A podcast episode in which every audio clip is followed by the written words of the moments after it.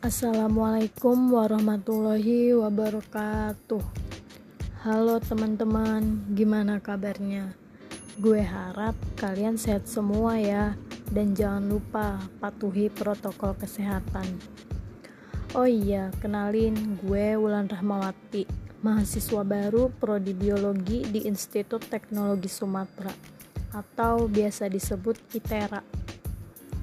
Sebelumnya gue mau minta maaf kalau pembawaan gue masih kaku karena ini pertama kalinya gue podcast.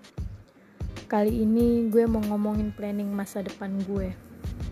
Sebenarnya gue nggak pernah nyoba nulisin planning gue ke depan mau kayak gimana karena gue tipe orang yang ya udah jalanin aja apa yang ada di depan.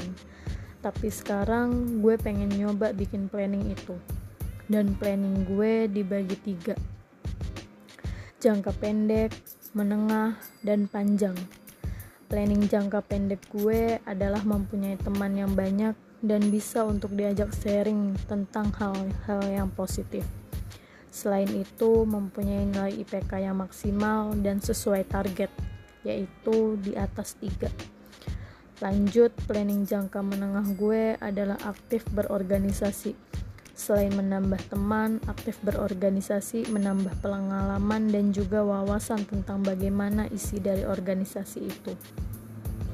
Mengikuti seminar-seminar, mengikuti lomba-lomba jika berkesempatan, dan tetap mempunyai nilai IPK yang maksimal dan sesuai target, yaitu di atas 3.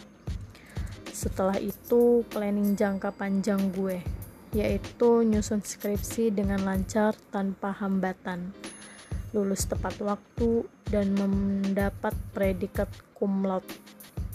Oke deh, segitu aja planning gue di masa depan. Semoga semuanya bisa tercapai. Amin. Thank you teman-teman udah nyempetin buat dengerin podcast gue. Tetap jaga kesehatan ya. See you. Wassalamualaikum warahmatullahi wabarakatuh.